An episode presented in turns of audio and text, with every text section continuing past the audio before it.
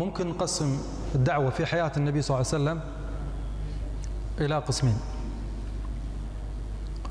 الفترة المكية والفترة المدنية. الفترة المكية 13 سنة والفترة المدنية 10 سنوات. إذا كانت الدعوة في حياة النبي صلى الله عليه وسلم كلها 23 سنة.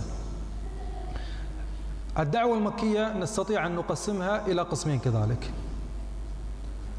الدعوة السرية والجهر بالدعوة. أما الدعوة السرية فظلت ثلاث سنوات. في السنة الرابعة خرج النبي صلى الله عليه وسلم على الناس. بدأ النبي صلى الله عليه وسلم يدعو إلى الله سرا. فدعا عليه الصلاة والسلام أهل بيته خديجة رضي الله عنها ومن كان موجود من بناته عليه الصلاة والسلام وعلي بن أبي طالب وزيد بن حارثة.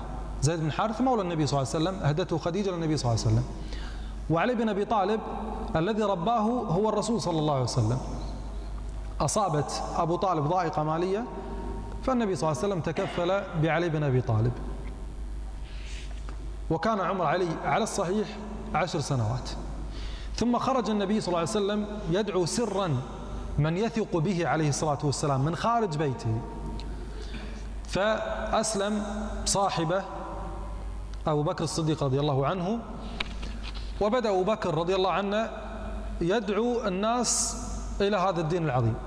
فأسلم على يد أبو بكر الصديق خمسة من عشر مبشرين بالجنة. أسلم على يده سعد بن أبي وقاص عثمان بن عفان. وسعد بن أبي وقاص وزبير بن العوام وطلحة بن عبيد الله وأبو عبيدة بن الجراح.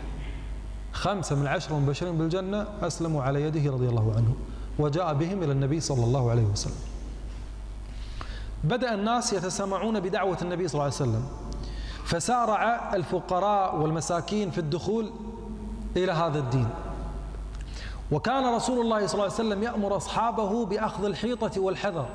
لحد يعلن أمر الإسلام. وبينما سعد بن أبي وقاص رضي الله عنه ومعه مجموعة من المسلمين يصلون في شعاب مكة بين الجبال. طبعا الصلاة المقصود فيها ليست الفرض ما كان في فرض. الفرض في الإسراء والمعراج. بعد هذا الحادث بعشر سنوات تقريبا. شنو الصلاة اللي كانوا يصلونها؟ كانت ركعتين في النهار وركعتين في الليل. وأجمع أغلب المفسرين على أن قول الله تعالى وسبح بحمد ربك قبل طلوع الشمس وقبل غروبها قالوا كانت صلاة قبل فرض الصلاة. ركعتين في النهار وركعتين في الليل. والنبي صلى الله عليه وسلم لا شك قطعا أنه كان يصلي قبل فرض الصلاة. من أوائل ما نزل على النبي صلى الله عليه وسلم سورة المزمل.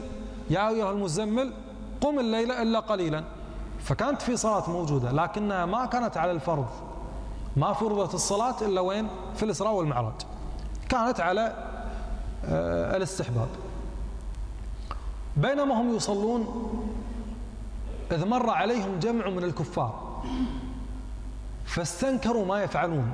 ما هذه الحركات اللي قاعد يسوونها؟ فهجموا عليهم. وبدأ الضرب بينهم وبين هؤلاء المسلمين. فاضطر الصحابة أن يدافعون عن أنفسهم. سعد بن أبي وقاص أخذ لحى بعير عظم بعير الفك وضرب به واحد من الكفار فسال دم هذا الكافر. فهو أول دم يهراق في سبيل الله على يد سعد بن أبي وقاص. فلما وصل الخبر للنبي صلى الله عليه وسلم اتخذ النبي صلى الله عليه وسلم دار الأرقم ابن أبي الأرقم. إذا متى أخذ هذه الدار عليه الصلاة والسلام؟ بعد هذا الحادث. فبدأ النبي صلى الله عليه وسلم في هذه الدار يجتمع بالمسلمين ويعطيهم كل ما نزل شيء من أمر الوحي. مرت ثلاث سنوات على الدعوة السرية أسلم عدد لا بأس به من الأوائل من أصحاب النبي صلى الله عليه وسلم. بعد السنة الثالثة في السنة الرابعة للبعثة نزل على النبي صلى الله عليه وسلم الوحي بقول الله تعالى فاصدع بما تؤمر وأعرض عن المشركين. وهذه أول آية نزلت على النبي صلى الله عليه وسلم بالصدع في الدعوة. فكر النبي صلى الله عليه وسلم كيف الآن يوصل هذه الرسالة إلى الناس إلى قومه. ففكر أن يصعد جبل الصفا. جبل الصفا الصفا والمروة معروفين المسعى. جبل الصفا. وكان يتميز هذا الجبل أن من يكون في مكة عند الكعبة لا يرى ما خلف هذا الجبل. فصعد عليه النبي صلى الله عليه وسلم وبدأ يصرخ عليه الصلاة والسلام كما تعرفون. وصباحاه وصباحاه فأقبع عليه أهل مكة. الصادق الأمين الصادق الأمين في شيء. تجمع الناس فقال النبي صلى الله عليه وسلم أرأيتم لو أخبرتكم أن خيلا خلف هذا الجبل تريد أن تغير عليكم أكنتم مصدقي؟ قالوا نعم والله ما جربنا عليك كذبا قط. فقال لهم النبي صلى الله عليه وسلم فإني بين إني نذير لكم بين يدي عذاب شديد. وبدأ يخبرهم أنه رسول الله. من بين الذين تجمعوا أبو لهب عم النبي صلى الله عليه وسلم. فقال له تبا لك سائر اليوم ألهذا جمعتنا؟ تاركين أعمالنا وكذا على أساس تقول لنا بس هالكلام هذا. بدأ أبو لهب يطرد الناس عن النبي صلى الله عليه وسلم. فنزل فيه هذه من أوائل الآيات التي نزلت. تبت يدا أبي لهب وتب ما أغنى عنه ماله وما كسب إلى نهاية الآيات. أول ردة فعل لقريش من دعوة النبي صلى الله عليه وسلم أن أرسلوا وفدا منهم إلى عم النبي صلى الله عليه وسلم أبو طالب الذي كان كافل النبي صلى الله عليه وسلم. ليمنع ابن أخيه من هذا الأمر. لم تجدي محاولة قريش في وساطة أبي طالب لمنع النبي صلى الله عليه وسلم. أرسلوا الوليد بن المغيرة ليعرض على النبي صلى الله عليه وسلم أمورا. إن شئت جعلناك سيد مكة وإن شئت زوجناك أفضل نسائنا وإن شئت المال جمعنا لك. فالنبي صلى الله عليه وسلم ما رد عليه وقرأ عليه القرآن. فتأثر تأثرا عظيما بالقرآن. ورجع إلى كفار قريش فقالوا والله لقد جاءكم الوليد بغير الوجه الذي ذهب به. واضح التأثر عليه. حاول بهم. لقد سمعتم محمد كلاما. والله ما يقوله أحد. أسلموا. رفضوا إسلامه. قال طيب اتركوه يدعو في الناس. فإن قتلوه فهذا الذي تريدون. وأن ظهر على العرب فشرفه شرفكم الشرف لكم من قبيلتكم هو. قالوا والله لا ندعه يدعو في العرب. وما زالوا بالوليد بن المغيرة ما تتحرك إلا من تقول في محمد كلاما منكرا. فقال أقرب شيء تقولون أنه ساحر. عنده كلام يسحر به الناس ويفرق به بينه وبين زوجته. بين الرجل وزوجته وبين الرجل وبين أولاده. فنزل في الوليد بن المغيرة الآيات في سورة المدثر. أه تبشره في النار سأصليه سقر وما أدراك ما سقر. كل هذه الآيات نزلت في الوليد بن المغيرة فبشره الله عز وجل بالنار.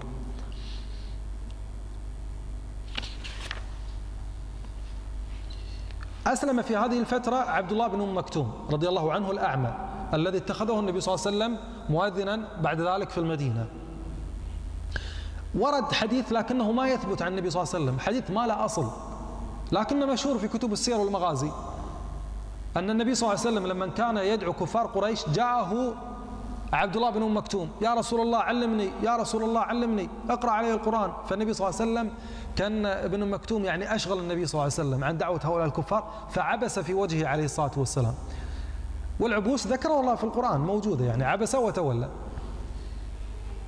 فنزلت الآيات في آه، عبد الله بن مكتوم. عبس وتولى أن جاءه الأعمى وما يدريك لعله يزكى إلى نهاية الآيات. لكن الحديث اللي وارد اللي في هالقصة هذه ما له أصل الحديث ما هو حديث أصلا. اللي هو يقول أن النبي صلى الله عليه وسلم كان إذا جاءه ابن أم مكتوم فرش له ورحب به وقال مرحبا بمن عاتبني فيه ربي. أو أهلا بمن عاتبني فيه ربي. حديث مشهور هذا. هذا ما هو حديث أصلا ما له أصل لكنه موجود في كتب السير والمغازي. فعلى كل حال لا يثبت هذا عن النبي صلى الله عليه وسلم. أساليب قريش في محاربة دعوة النبي صلى الله عليه وسلم؟ أمور كثيرة. منها إثارة الشبهات على القرآن ومنها معارضة القرآن ومنها مساومات كانوا يسامون النبي صلى الله عليه وسلم بها. ومع ذلك لم تفلح قريش في هذا الأمر. فكرت بأمر آخر فقالوا نعذب كل من دخل بهذا الدين. وهذا العذاب كان ترى مقتصر على الضعفاء والمساكين. أما من له منعة فما كانوا يستطيعون عليه لأن قوم ما راح يرضون عنه. ولذلك منع منع منع الله عز وجل عمي الرسول صلى الله عليه وسلم بعمه أبي طالب. ومنع الله أبو بكر الصديق بقومه. فأشد من عذب من الصحابة على الإطلاق هو خباب بالارت رضي الله عنه. قام أبو بكر الصديق بعمل جليل عظيم وهو شراء المستضعفين من العبيد من المساكين هؤلاء يشتريهم ويطلقهم لوجه الله. وبدأ أطلق بلال رضي الله عنه وعامر بن فهيرة وعدد من هؤلاء الصحابة الذين اشتراهم بماله الخاص وأطلقهم رضي الله عنه. فحررهم بهذه الطريقة. بدأ الكفار بعمل جديد وهو الاستهزاء بشخص النبي صلى الله عليه وسلم. فمن هؤلاء المستهزئين الوليد بن المغيرة والأسود بن عبد يغوث والأسود ابن المطلب وغيرهم ممن تجرأ على النبي صلى الله عليه وسلم. استمرت قريش في إيذائها لمن آمن واشتدت الفتنة على الصحابة فأذن النبي صلى الله عليه وسلم لأصحابه بالهجرة إلى الحبشة. وكانت أول هجرة في الإسلام. خرجت مجموعة من أصحاب النبي صلى الله عليه وسلم 11 رجل وأربع نسوة إلى الحبشة في أول هجرة في الإسلام. وأمر عليهم النبي صلى الله عليه وسلم عثمان بن مضعون. من بين هؤلاء الذين خرجوا في هذه الهجرة عثمان بن عفان رضي الله عنه ورقية بنت النبي صلى الله عليه وسلم زوجة عثمان. ورد حديث روى الحاكم لكنه ضعيف الحديث لا يثبت وهو أن الرسول صلى الله عليه وسلم قال لما آه، احتبس عليه أمر عثمان ورقية ما في خبر لهم راحوا الحبشة ولا في أي أخبار عنهم. فجاءت امرأة وأخبرت النبي صلى الله عليه وسلم فقال رسول الله صلى الله عليه وسلم عند ذلك إنهما أي عثمان ورقية أول من هاجر بعد لوط عليه السلام. وهذا الحديث ضعيف رواه الحاكم. لا يصح عن النبي صلى الله عليه وسلم. نزلت في هذه الفترة آيات كثيرة من سورة النجم. وقرأها النبي صلى الله عليه وسلم بصوت عال عند الكعبة. وصل النبي صلى الله عليه وسلم في هذه الآيات إلى موضع السجدة. فسجد النبي صلى الله عليه وسلم وسجد معه كل كفار قريش. من عظمة الآيات سجدوا. وصل خبر سجود كفار قريش إلى مهاجر الحبشة في الحبشة لكنه مشوه. وصلهم الخبر أن قريش دخلت في الإسلام. هم ما أسلموا لكن من شدة الآيات وعظمة هذه الآيات سجدوا. فعند ذلك رجع عدد ممن أسلم من هؤلاء الذين كانوا في الحبشة.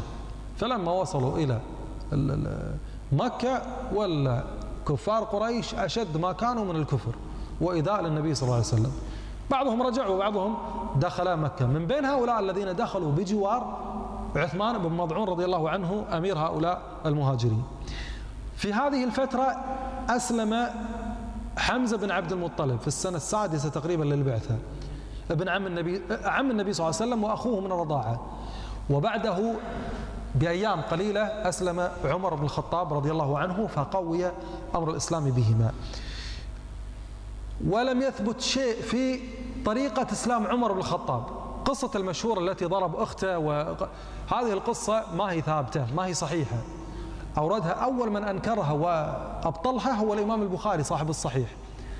وكذلك أوردها الحافظ ابن حجر في لسان الميزان وقال هي قصة منكرة. ما تثبت بدون إسناد. أخرجها ابن إسحاق في السيرة لكن السند ما في سند فما نستطيع أن نحكم عليها فهي قصة لا تثبت. أسلم عمر لكن كيف أسلم؟ ما ندري. الرجل أسلم شلون الطريقة؟ ما ندري. لم يثبت شيء في كيفية إسلام عمر بن الخطاب. على شهرة القصة التي ضرب أخته ودخل آه، على خباب الأرت وذهب النبي صلى الله عليه وسلم. القصة المشهورة بدأت قريش تعرض على النبي صلى الله عليه وسلم بعض الأمور مرة ثانية. المال أو الجاه أو آه، الملك. فأرسلت عتبة بن ربيعة سيد من سادات قريش قتل كافرا في غزوة بدر الكبرى. وكان سيد وكان صاحب عقل. فبدأ يعرض على النبي صلى الله عليه وسلم يعني بعض الأمور. فالنبي صلى الله عليه وسلم لما فرغ عتبة من كلامه قال عليه الصلاة والسلام أفرغت؟ قال نعم. قال فاسمع مني. فقرأ عليه النبي صلى الله عليه وسلم سورة فصلت. سورة فصلت. فلما وصل النبي صلى الله عليه وسلم إلى قول الله تعالى فإن أعرضوا فقل أنذرتكم صاعقة كصاعقة عاد وثمود. فهنا قام عتبة بن ربيعة من مكانه ووضع يده على فم النبي صلى الله عليه وسلم. وقال ناشدتك الله والرحم. ناشدتك الله والرحم. لا تأتينا هذه الصاعقة. فالنبي صلى الله عليه وسلم تركه. رجع عتبة بن ربيعة إلى قريش. وبدأ يكلمهم. يا قوم اتبعوا محمد. والله سمعت منه كلام والله ما يقول بشر. ولذلك هذه معجزة الكفار. معجزة الكفار كانت بإيش؟ في قوة البلاغة. وصلوا بالبلاغة لم يصل أحد من البشر لها. فجاءت المعجزة من جنس ما هم متميزين به. ما هي معجزة النبي صلى الله عليه وسلم الرئيسية المتحدى بها؟ شنو هي؟ القرآن. أعجزهم القرآن. حاول عتب الربيع فيهم. الناس ما هي قابلة الرسول صلى الله عليه وسلم ولا دعوته. فقال إذا أنتم وذاك. تعنتت قريش أكثر. وطلبت من النبي صلى الله عليه وسلم المعجزات الحسية. إيش تبون يعني؟ أرنا الملائكة.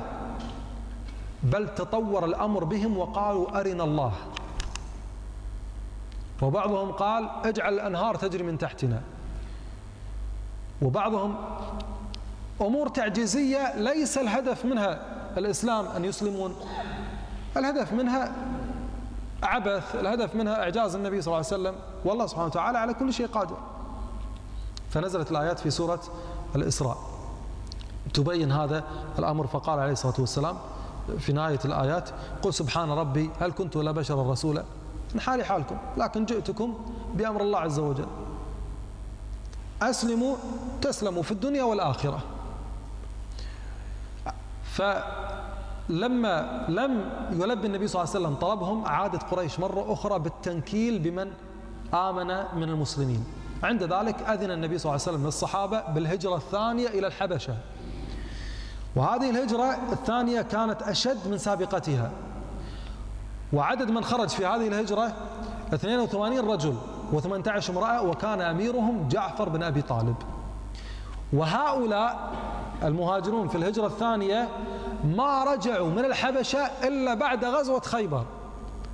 في السنة السابعة للهجرة يعني بعد هذا الحادث تقريبا ب 13 سنة ظلوا هناك عند النجاشي وأسلم النجاشي على يد جعفر بن أبي طالب. وصلى النبي صلى الله عليه وسلم كما تعلمون على النجاشي صلاة الغائب لما مات. في طريق الهجرة هجرة هؤلاء الصحابة إلى الحبشة لدغت حية خالد بن حزام. خالد بن حزام أخو حكيم بن حزام. فمات في الطريق رضي الله عنه. فنزلت فيه آية في سورة آه، النساء. آه، ومن يخرج من بيته مهاجرا إلى الله ورسوله فيدركه الموت فأجره على الله. هذه الآيات نزلت في خالد بن حزام رضي الله عنه. ما وصل إلى الحبشة مات وهو في الطريق. هنا لما رأت قريش أن أمر النبي صلى الله عليه وسلم في الزياد وكل ما فعلوه بالنبي صلى الله عليه وسلم وفي أصحابه كل هذا باء بالفشل. أجمعت قريش على أمر جائر وظالم وهو كتابة صحيفة بمقاطعة النبي صلى الله عليه وسلم وآل النبي صلى الله عليه وسلم وكل من دخل مع النبي صلى الله عليه وسلم.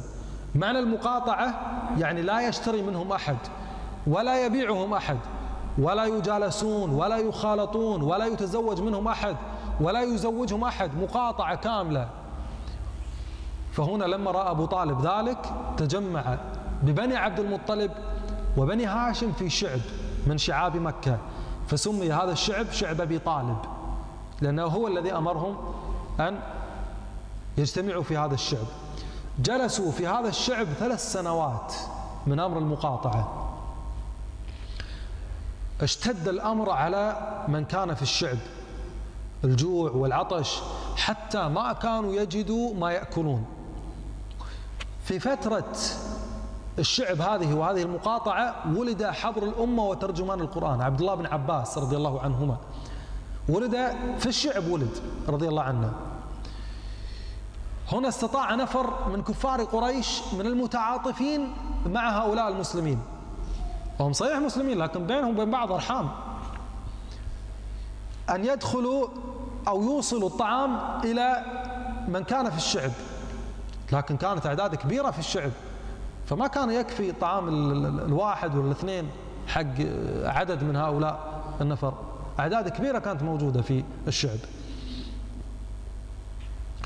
هنا عدد من كفار قريش ممن كان متعاطف مع المسلمين ما كان راضي على هذا الحدث. ثلاث سنوات. كيف ناس من أهلنا لا يأكل لا يأكلون ولا يشربون ولا نبيعهم ولا فتجمعوا لنقض هذه الصحيفة أو هذا هذه المقاطعة الجائرة. فعند الكعبة استطاعوا أن يعلنوا بتمزيق هذه الصحيفة الجائرة. رغما على كل من أنكر من كفار قريش. فقام هؤلاء الناس ودخلوا داخل الكعبة لأن الصحيفة كانت معلقة داخل الكعبة. فلما دخلوا داخل الكعبة وجدوا ولا الصحيفة أكلتها حشرة الأرض. الحشرة اللي تأكل الأخشاب أكلت كل ما في هذه الصحيفة ما تركت فيها إلا باسمك اللهم. وهكذا انتهت هذه المقاطعة العنيفة من قبل قريش ورجع النبي صلى الله عليه وسلم وأهل بيته وأبو طالب وبني هاشم وبني طالب وكلهم رجعوا إلى بيوتهم. بعد المقاطعة بشهر تقريبا توفي أبو طالب عم النبي صلى الله عليه وسلم. كفيل النبي صلى الله عليه وسلم وناصر النبي صلى الله عليه آه، وسلم. عرض عليه النبي صلى الله عليه وسلم كلمة التوحيد قل لا إله إلا الله قل لا إله إلا الله أحاج لك بها عند الله يوم القيامة. لكن الله عز وجل لم يقدر لأبي طالب أن يموت على الإسلام ومات على الكفر وحزن عليه النبي صلى الله عليه وسلم حزنا عظيما وقال لأستغفرن لك ما لم أنه عن ذلك. فنزل على النبي صلى الله عليه وسلم قوله تعالى ما كان النبي والذين آمنوا أن يستغفروا المشركون المشركين ولو كانوا أولي قربى. من بعد ما تبين لهم أنهم أصحاب الجحيم. فنهي النبي صلى الله عليه وسلم عن أمر الاستغفار لعمه أبي طالب. قال رسول الله صلى الله عليه وسلم أهون أهل النار عذابا أبو طالب. هو منتعل بنعلين يغلي منهما دماغه. رواه الإمام مسلم. بعد وفاة أبي طالب بشهر وقل شهرين توفيت خديجة زوجة النبي صلى الله عليه وسلم. ودفنت رضي الله عنها بالحجون في مكة مقابر مكة ولم يصلي عليها النبي صلى الله عليه وسلم صلاة الجنازة. لماذا؟ لم تكن شرعت صلاة الجنازة. لم تكن شرعت صلاة الجنازة. خديجة رضي الله عنها نعمة من الله عز وجل لرسوله صلى الله عليه وسلم. ثبتته وآزرت النبي صلى الله عليه وسلم بمالها وكل ما تملك لنشر دعوته عليه الصلاة والسلام. قال رسول الله صلى الله عليه وسلم جاء جبريل إلى النبي صلى الله عليه وسلم فقال هذه خديجة قد أتتك. بشرها ببيت في الجنة من قصب لا صخب فيه ولا نصب. الصخب هو الصوت العالي الإزعاج والنصب هو التعب. فجاءت هذه المكافأة من الله عز وجل من جنس ما كانت خديجة تعمل بالنبي صلى الله عليه وسلم. لم ترفع صوتها أبدا على النبي صلى الله عليه وسلم. ولم تتعب النبي صلى الله عليه وسلم في أمر قط رضي الله عنها. وروى الإمام البخاري ومسلم أن جبريل جاء إلى النبي صلى الله عليه وسلم وقال هذه خديجة قد أتتك. فإذا هي أتتك فأقرئها السلام من ربها ومني. وهذه منقبة لم تكن لأحد من البشر إلا خديجة. أن الله سبحانه وتعالى يرسل السلام إلى خديجة. شوف من, من الله عز وجل ثم من جبريل عليه السلام. عائشة رضي الله عنها جاءها السلام من جبريل عليه السلام. لكن من الله عز وجل لم يكن لأحد قط إلا من خديجة. وهذا أمر عظيم يا جماعة لا يحسب الواحد سهل. الله سبحانه وتعالى يذكرك وصل السلام لفلان بن فلان. أمر عظيم. حزن النبي صلى الله عليه وسلم على وفاة عمه وزوجته خديجة حزنا شديدا. وقلل عليه الصلاة والسلام من الخروج من بيته ولم يثبت أن النبي صلى الله عليه وسلم سمى ذلك العام الذي مات فيه خديجة وأبو طالب أن سماه بعام الحزن. بل ولا يوجد ذلك في كتب المتقدمين. ما ظهر هذا إلا في الكتب المعاصرين ممن كتب في السيرة النبوية. فمسألة عام الحزن لم يسميه النبي صلى الله عليه وسلم ولم يثبت عنا هذا الأمر. لما ماتت خديجة عقد النبي صلى الله عليه وسلم على عائشة بنت أبي بكر الصديق رضي الله عنها وكان عمرها ست سنوات. وهي أول امرأة عقد عليها بعد خديجة. ثم عقد النبي صلى الله عليه وسلم على سودة بنت زمعة رضي الله عنها وهي أول امرأة دخل بها النبي صلى الله عليه وسلم. انفردت سودة بالنبي صلى الله عليه وسلم ثلاث سنوات تقريبا. وكانت من أشد الناس تمسكا بأمر النبي صلى الله عليه وسلم. اشتد الأمر على النبي صلى الله عليه وسلم من قبل قريش بعد وفاة أبي طالب. فتجرى على النبي صلى الله عليه وسلم السفهاء والعبيد. وما كان يتجرأ في حياة أبي طالب إلا السادة على النبي صلى الله عليه وسلم. قال رسول الله صلى الله عليه وسلم ما نالت مني قريش شيئا أكرهه حتى مات أبو طالب. ماذا فعلت قريش؟ تجرأ عليه الكفار تجرؤ لم يكونوا يتجرؤون لما كان أبو طالب حيا. ألقى عقبة بن أبي معيط لعنه الله سل الجزور على ظهر النبي صلى الله عليه وسلم. سل الجزور هو المشيمة التي تغلف الكرش أو البطن ألقاه على النبي صلى الله عليه وسلم وهو ساجد. وأقسم لعنه الله أن يطع على عنق النبي صلى الله عليه وسلم لكنه ما استطاع. حمى الله عز وجل رسوله صلى الله عليه وسلم. قال رسول الله صلى الله عليه وسلم لقد أذيت في الله وما يؤذى أحد وأخفت في الله وما يخاف أحد. من شدة البلاء استأذن أبو بكر الصديق النبي صلى الله عليه وسلم بالهجرة إلى الحبشة.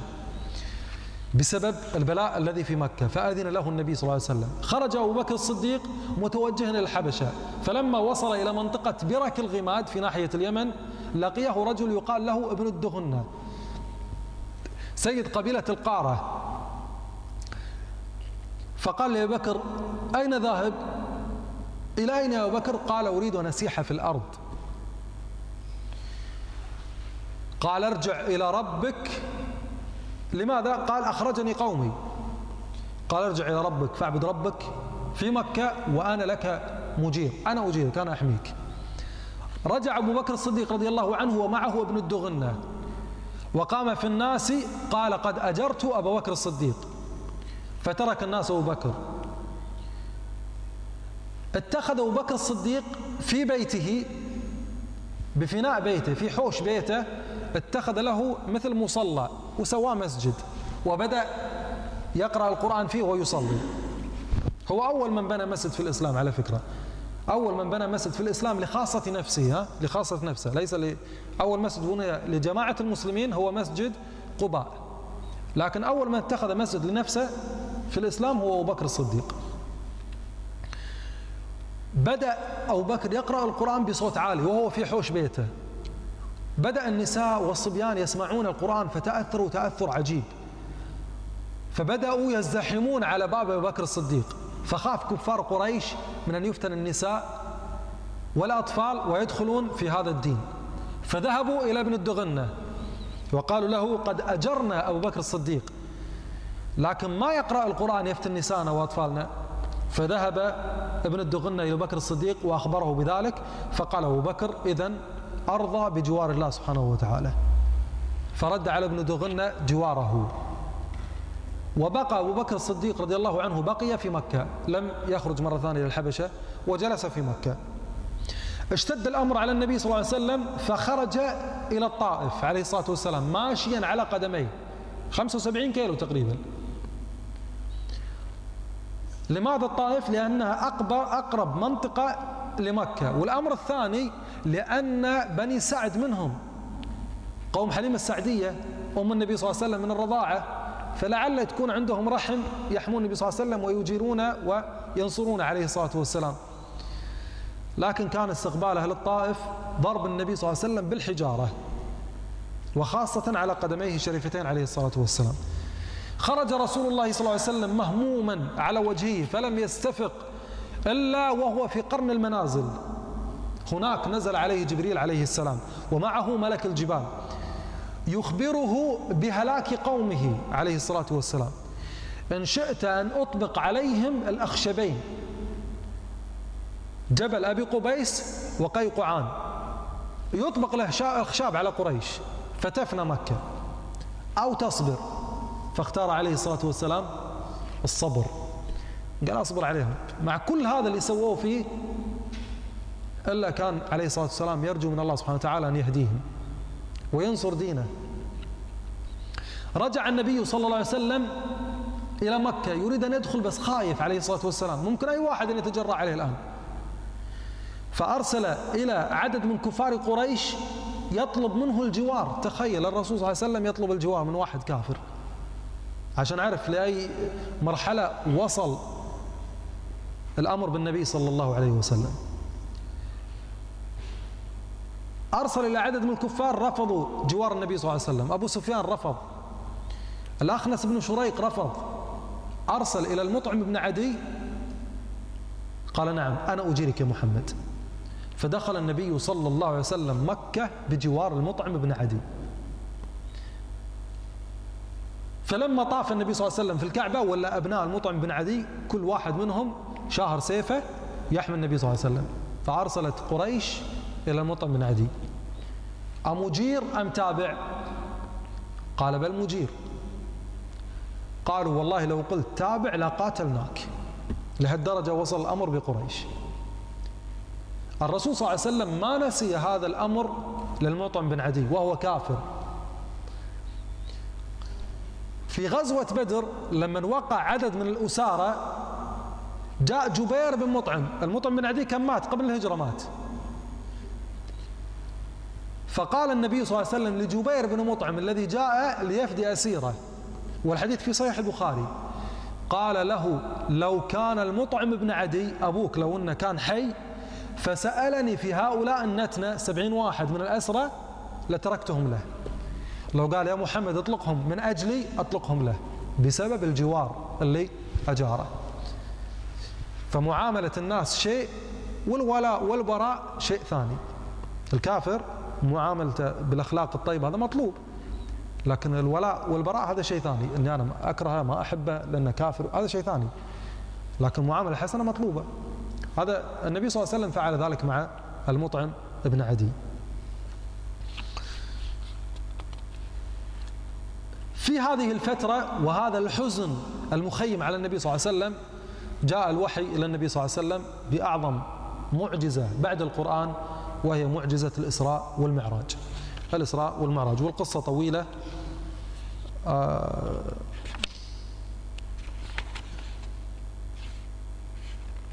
طيب نستعجل ونختم في هالقصة هذه. قصة الإسراء والمعراج ذكر الله سبحانه وتعالى في كتابه الكريم. ذكر الله عز وجل قصة الإسراء في سورة الإسراء. فقال تعالى سبحان الذي أسرى بعبده ليلا من المسجد الحرام إلى المسجد الأقصى الذي باركنا حوله. وقصة المعراج ذكرها الله عز وجل في سورة النجم. في سورة النجم سبحانه وتعالى. آه، جاء جبريل إلى النبي صلى الله عليه وسلم وهو في بيته. وفي رواية أنه كان في بيت أم هانة وفي رواية أنه كان عند الكعبة. وفي رواية رابعة أنه كان عليه الصلاة والسلام في شعب أبي طالب. والجمع بين هذه الروايات كلها موجود. يمكن الجمع بهذه الروايات. أن النبي صلى الله عليه وسلم كان في بيت أم هانئ. ونسب البيت إلى النبي صلى الله عليه وسلم لكونه كان يسكنه عليه الصلاة والسلام. بيته كان عند أم هانئ عايش. والشعب لأن بيت أم هانئ كان ملاصق في الشعب. وأما وجوده كان عند الكعبة لأن جبريل أخذ النبي صلى الله عليه وسلم عند الكعبة. من الكعبة انطلق به إلى بيت المقدس. القصة طويلة على كل حال. وصل النبي صلى الله عليه وسلم مع جبريل وكان على البراق إلى المسجد الأقصى. دخل النبي صلى الله عليه وسلم المسجد الأقصى وجد الله عز وجل أحيا له كل الأنبياء والمرسلين. صلى النبي صلى الله عليه وسلم إماما بهؤلاء الأنبياء والمرسلين. وهذه أعظم صلاة في التاريخ أعظم صلاة في التاريخ اللي ما يحضرها إلا نبي أو رسول. تخيل الرسول صلى الله عليه وسلم هو الإمام وكل المصلين معه يا أما رسول ولا نبي. صلاة عظيمة أعظم صلاة في التاريخ. بعد ما صلى النبي صلى الله عليه وسلم في بالملائكة جاءه جبريل عليه السلام بالمعراج. والمعراج يطلق عند العرب بالسلم والعروج هو الصعود لكن السلم ما يعلم قدره وحجمه إلا الله سبحانه وتعالى. ما ندري حجمه ما ندري شلون صاير ما لم يرد فيه شيء. طبعا صعد جبريل عليه السلام مع النبي صلى الله عليه وسلم إلى السماوات وإذا هي لحظات وإذا به عليه الصلاة والسلام إلى السماء الدنيا.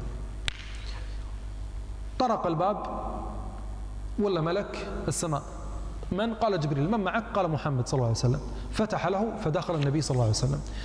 طبعا وجد النبي صلى الله عليه وسلم أمور كثيرة في آه، السماء الدنيا عليه الصلاة والسلام والتقى عليه الصلاة والسلام في هذه السماء آه، بأبيه آدم عليه الصلاة والسلام. قال عليه الصلاة والسلام رأيته ستون ذراعا في السماء.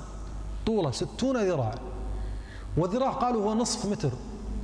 نصف متر يعني إذا قلنا بالأمتار ثلاثين متر.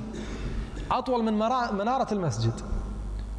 شوف يقول عليه الصلاة والسلام يدخل الناس الجنة يوم القيامة على صورة أبيهم آدم. وقال عليه الصلاة والسلام فما زال الخلق ينقص منذ ذاك. كل جيل يأتي بعد اللي قبله أقصر يكون من الجيل اللي قبله. وهذا واضح أتوقع تشوفونه. إبراهيم عليه السلام في المقام إبراهيم. شوفوا حجم الرجل إيش كبرها الفراعنة في مصر اللي حملوا هذه الصخور العظيمة لا شك أن أحجامهم كانت كبيرة. وذكر الله سبحانه وتعالى عاد وثمود أحجامهم كانت كبيرة. فما زال جيل بعد جيل ينقص إلى عاد شوف وين يوصل. إلى أن يدخلهم الله عز وجل الجنة برحمته على طول آدم عليه السلام. رأى النبي صلى الله عليه وسلم عدة رؤى في السماء الدنيا. رأى الذين يأكلون أموال اليتامى ظلما. ورأى النبي صلى الله عليه وسلم حال المغتابين والزنات وحال أكلة الربا. نعوذ بالله سبحانه وتعالى من ذلك. ثم صعد النبي صلى الله عليه وسلم السماء الثانية فوجد عليه الصلاة والسلام من وجد؟ ابني الخالة عليه الصلاة والسلام وجد. نبيين عيسى ويحيى عليهما السلام. فسلم عليه النبي صلى الله عليه وسلم. ثم صعد عليه الصلاة والسلام السماء الثالثة فرأى يوسف عليه الصلاة والسلام. ثم صعد النبي صلى الله عليه وسلم السماء الرابعة فوجد فيها إدريس عليه السلام. وصعد النبي صلى الله عليه وسلم مع جبريل السماء الخامسة فرأى هارون. وصعد السماء السادسة فرأى موسى عليه السلام. وصعد السماء السابعة فوجد فيها إبراهيم عليه الصلاة والسلام أبو الأنبياء. دار حديث بين النبي صلى الله عليه وسلم وإبراهيم. فمن ذلك قال إبراهيم عليه الصلاة والسلام للنبي صلى الله عليه وسلم أقرئ أمتك مني السلام وأخبرهم أن الجنة طيبة التربة عذبة الماء وأنها وأن غراسها غراسها البذور التي تزرع.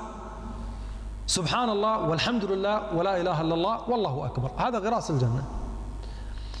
بعدما فرغ النبي صلى الله عليه وسلم من لقاء إبراهيم عليه السلام دخل عليه الصلاة والسلام الجنة. وهذا من خصائص النبي صلى الله عليه وسلم. لم يدخل أحد الجنة في الحياة الدنيا إلا النبي صلى الله عليه وسلم. ورأى فيها مشاهد عظيمة عليه الصلاة والسلام. رأى فيها قصرا لعمر بن الخطاب ورأى امرأة لزيد بن حارثة رضي الله عنه ورأى النبي صلى الله عليه وسلم نهر الكوثر الذي أعطاه الله عز وجل النبي صلى الله عليه وسلم. ودخل أو ورأى النبي صلى الله عليه وسلم النار. رأى يقول رأيت بعضها يحطم بعض من شدتها وعظمتها. أجرنا الله عز وجل منها ورأى النبي صلى الله عليه وسلم خازن النار وهو مالك عليه السلام. ثم ذهب جبريل بالنبي صلى الله عليه وسلم إلى أطراف السماء السابعة. ثم توقف جبريل هناك وقال النبي صلى الله عليه وسلم يا محمد تقدم فوالله لو تقدمت خطوة واحدة لاحترقت. فتقدم النبي صلى الله عليه وسلم ووصل إلى موضع لم يصل إليه لا ملك ولا بشر إلا النبي صلى الله عليه وسلم. وصل عليه الصلاة والسلام إلى مكان أنه سمع صريف الملائكة التي تكتب أقضية الله سبحانه وتعالى. منزلة عظيمة منزلة عظيمة وصل إليها النبي صلى الله عليه وسلم.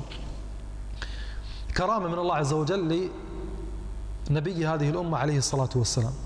هناك في هذا المكان الطاهر العظيم أطراف السماء السابعة وراء سدرة المنتهى حتى كلم الله عز وجل رسوله صلى الله عليه وسلم من غير ترجمان من غير حجاب.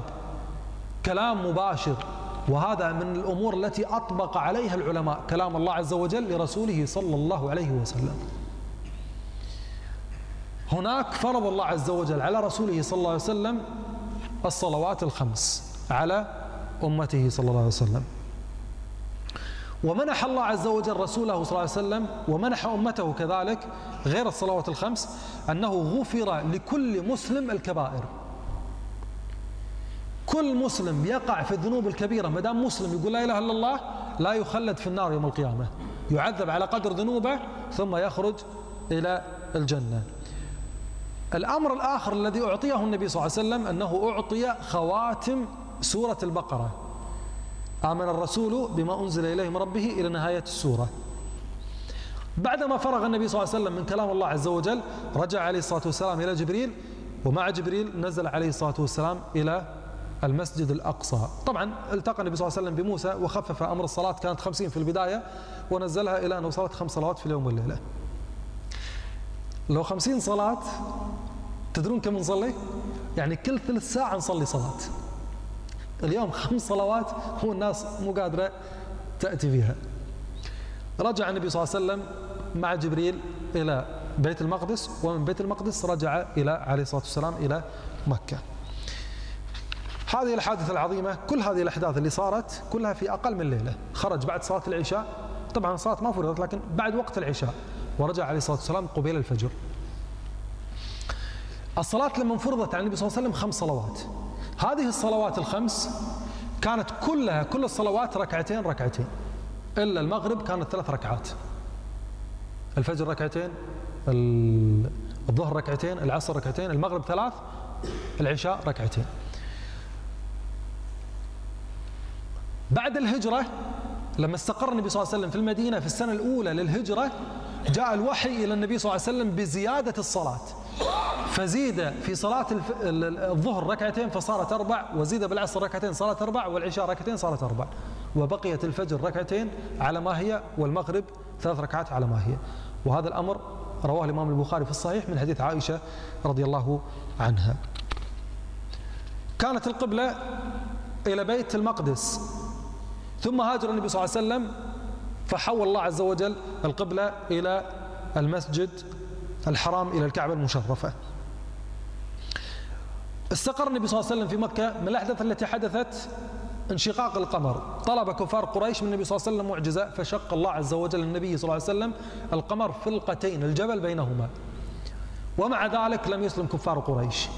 فنزلت الآيات في سورة آه، القمر اقتربت الساعة وانشق القمر. وإن يروا آيتين يقول سحر مستمر. وهذا دليل على أنهم كانوا لا يريدون الإيمان أصلا.